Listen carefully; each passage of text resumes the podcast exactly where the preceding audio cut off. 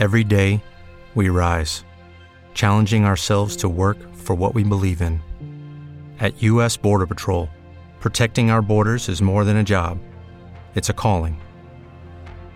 Agents answer the call, working together to keep our country and communities safe.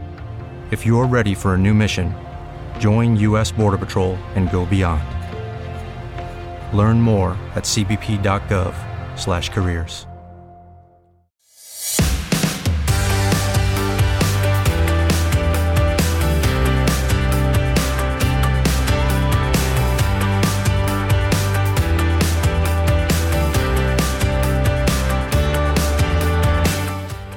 del migdia, 41 minuts. Seguim a l'Aldia Terres de l'Ebre i seguim ara amb l'espai de l'entrevista.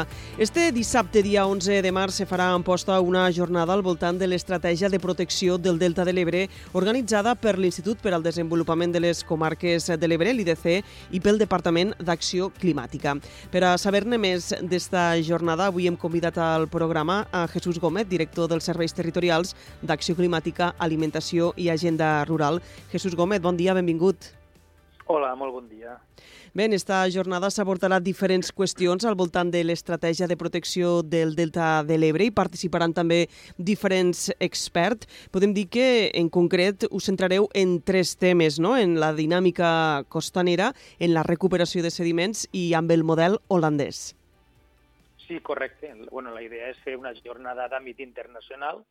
Per això hem invitat gent que ve directament dels Països Baixos, a que ens expliquen la seva experiència. Penso que és una experiència vàlida i de la qual ne podem aprendre molt i evidentment també tenim tot el tema de sediments, que també és un tema molt important i que l'hem d'anar abordant perquè al final sigui un tema efectiu, l'arribada la, la, al delta de l'Ebre dels sediments que tenim com a mínim emmagatzemats a Riba-roja i Mequinensa i evidentment també saber com funciona la dinàmica costanera, què, què en sabem i què se n'espera en els propers anys. És una jornada que està oberta a tothom? Va dirigida a algun públic en concret? Bueno, la idea d'esta jornada és que estigués obert a tot tipus de públics. De fet, als ponents se'ls demana que les explicacions que les facin siguin entenibles perquè la idea és que tinguéssim cada vegada més criteri, que tinguéssim cada vegada més informació i, per tant, és important davant del repte del canvi climàtic i aquest canvi climàtic que ens afectarà a, al futur del delta, enteníem que és important que la gent tingui el màxim d'informació, el màxim variada i des de gent que té una reputació i que tenen molts bons coneixements.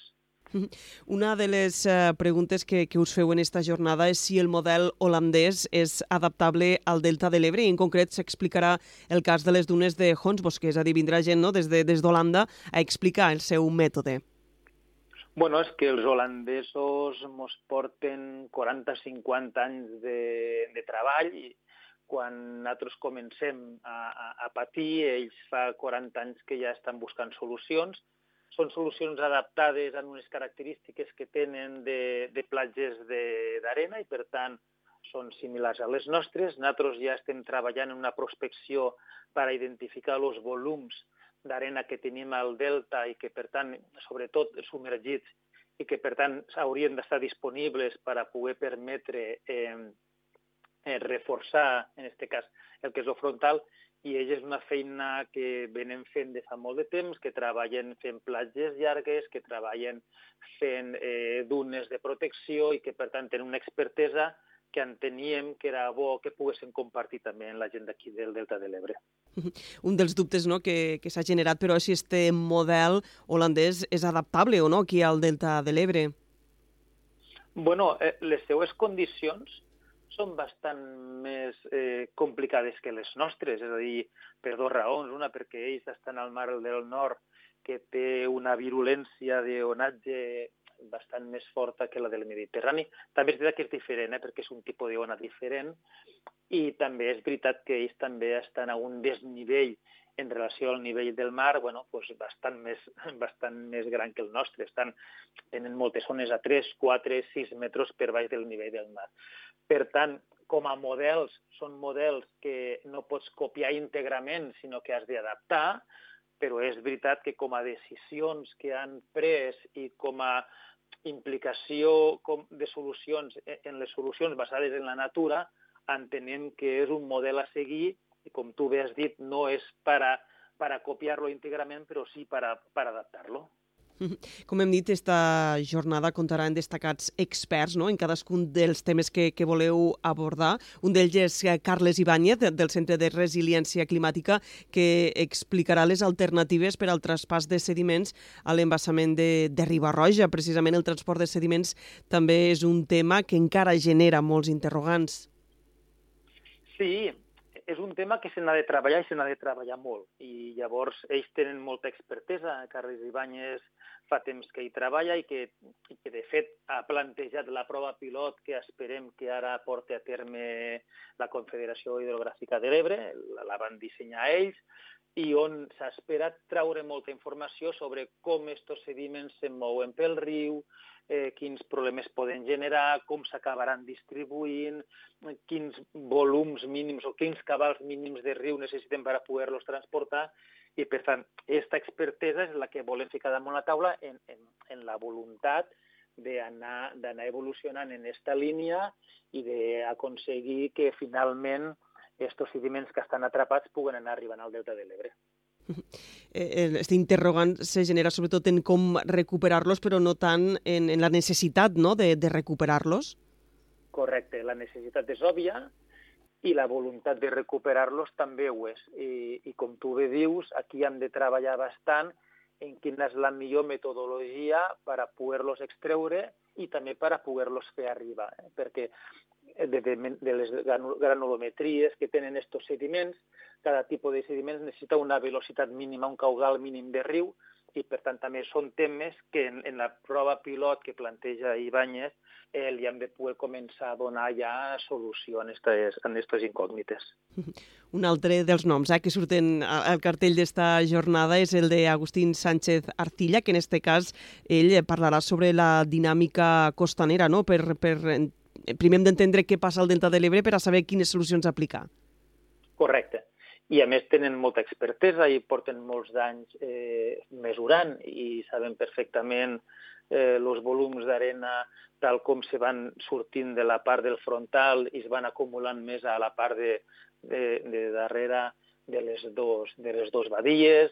De fet, eh, la badia del Fangà inclús l'està tapant bastant tot aquest acúmul de sediments en aquesta part i, per tant, també ells explicaran com evoluciona i penso que és aquesta informació que és molt bo que la gent sapiguessin i, i, i sapiguessin què ha passat, què ens espera al futur i d'alguna manera com podem incidir en, en, este, en esta recuperació del delta sabent o tenint molts de coneixements sobre com funciona. En aquest cas a vostè li tocarà explicar l'estratègia Delta, que, que de fet des del Departament, des de la Generalitat ja teniu en marxa amb els estudis de, de batimetria i també amb aquest reforç perimetral de les llacunes. No? Per tant, una estratègia Delta que a poc a poc ja s'ha començat a aplicar. Sí, ara l'última, al mes de febrer ja vam començar tot el tema de, de les guardes de les, de les bases, estem treballant també ja en definir les guardes de les bahies, tant la de Fangà com la d'Alfax, eh, les, les volem fer, és a dir, volem tindre una molt bona protecció interna eh, del delta. Paral·lelament treballem en com dissenyem i com actuem al frontal, és a dir, ja tenim batimetries que ens estan arribant, ja tenim dades de... comencem a treballar en les dades de sorres disponibles que ens arribaran i en això ja podrem començar a dissenyar quin frontal volem. N'hem parlat ja moltes vegades de que volem unes platges amples, que volem sistemes dunars importants, que molt probablement estem parlant de la necessitat de 11 milions de metres cúbics d'arena, i també és veritat que paral·lelament també estem treballant en temes de sediments per a veure per tindre informació de com s'han de repartir, de com han de baixar i treballar també en la Che i en el Ministeri per a que se comencen a fer efectius eh, proves pilot que acaben desembocant en la baixada de sediments pel riu i, i, i per al delta per a, tant per a temes de subsidència com a temes de reforçament de la morfologia, de, sobretot de les platges externes. A més a més, este mes de març s'han d'acabar o s'han d'aturar les obres de, de moviments de sorra que està realitzant costes de l'Estat, també al frontal litoral del Delta, unes obres que, com a mínim, no, serviran com a primera experiència de com es poden dur a terme aquestes aportacions de sorra al litoral del Delta.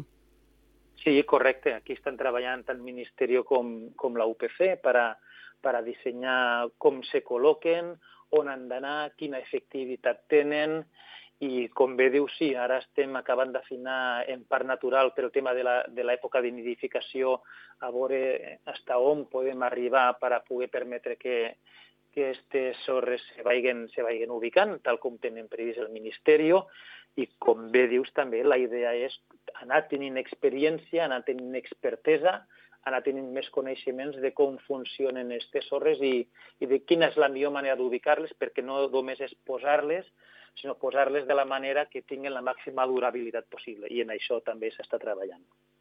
Perquè, a més a més, això, eh, cada zona s'ha aplicat una solució diferent. Hem tingut un estiu, oi, un hivern, perdó, sense grans eh, temporals, però sí que n'hi ha hagut algun i, no, no sé, hasta ara els resultats que, que hi ha hagut, si, si els coneix més o menys, com, com ha funcionat aquesta aportació de sorres?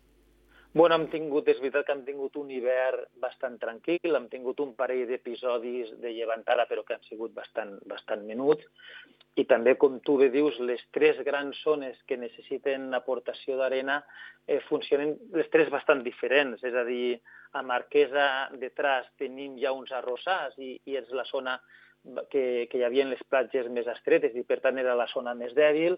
A la zona d'Illa de, de Buda eh, detrás de la platja tenim una bassa i, per tant, allò, aquesta bassa també funciona com un sistema de més d'amortiguació de, de, de la regressió i després tenim el trabucador, que el trabucador hem anat perdent hem anat perdent amplada, el trabucador històricament sempre ha estat sobre els 200-250 metres d'amplada, l'hem anat perdent sobretot arrel del Glòria, i aquí les, les, les proves que s'han executat una mica de, de dunes discontínues han de veure com, com evolucionen. Són tres eh, llocs eh, diferenciats, eh, en tres solucions diferenciades, i sobretot també sempre se busca allò, eh, que, que la efectivitat de l'arena que tu mous sigui la màxima possible. Ara s'està a l'espera d'este pla de protecció del Delta de l'Ebre que, que ha de preparar, de portar a aprovació el Ministeri per a la Transició Ecològica. Ara fa unes setmanes es va produir esta primera trobada de la comissió bipartida amb la ministra Teresa Rivera i la consellera Jordà, va ser aquí a Sant Jaume d'Enveja. Han d'haver més reunions aviat en el marc d'esta comissió bipartida? Sí, eh, la comissió bipartida se, se, se programa para eh, totes les, les les propostes de l'estratègia Delta, eh, veure com d'alguna manera les podem anar executant. És a dir, eh, al final, des de la Generalitat se proposen una sèrie de projectes, però per actuar, per actuar a la zona de platja, a la zona de, zona de marítim o terrestre, cal la seva aprovació. I, per tant, aquest instrument generat ha de permetre facilitar l'actuació de la Generalitat dins a un àmbit competencial del Ministeri. I, efectivament, en aquesta línia, eh, qui som eh, que han de convocar la taula bipartida som la Generalitat i la idea és, entre el mes de, fe, de març i abril, ja convocar la primera sessió, bueno, ja no la sessió inaugural on estaven la ministra i la consellera, sinó ja una sessió de treball per allà anar plantejant eh, tots els, els projectes que tenim i començar-la a ficar en marxa, sí.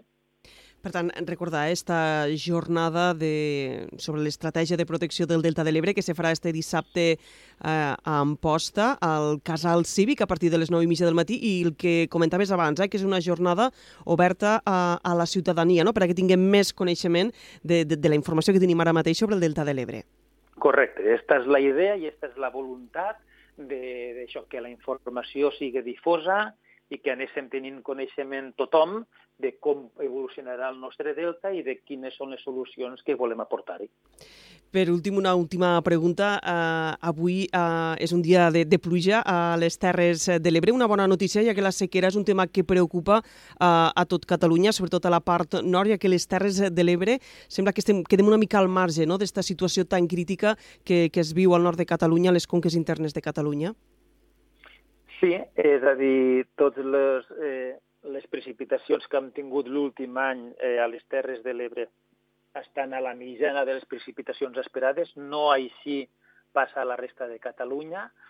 La veritat és que estem en una, entrant en una època complicada a nivell de país i, i entenem que hem de fer tothom esforços eh, des del punt de vista del regadiu, des del punt de vista de la tecnologia, per a ser curosos en, en el consum de l'aigua, per a ser molt eficients en el consum de l'aigua i, i d'alguna manera adaptar-nos al que parlàvem. El canvi climàtic no és només eh, pujada del nivell del mar i no és només regressió, és també que tindrem períodes de sequera cada vegada més prolongats i més intensos i n'haurem de fer una adaptació i, i ser més efectius en els consums de l'aigua.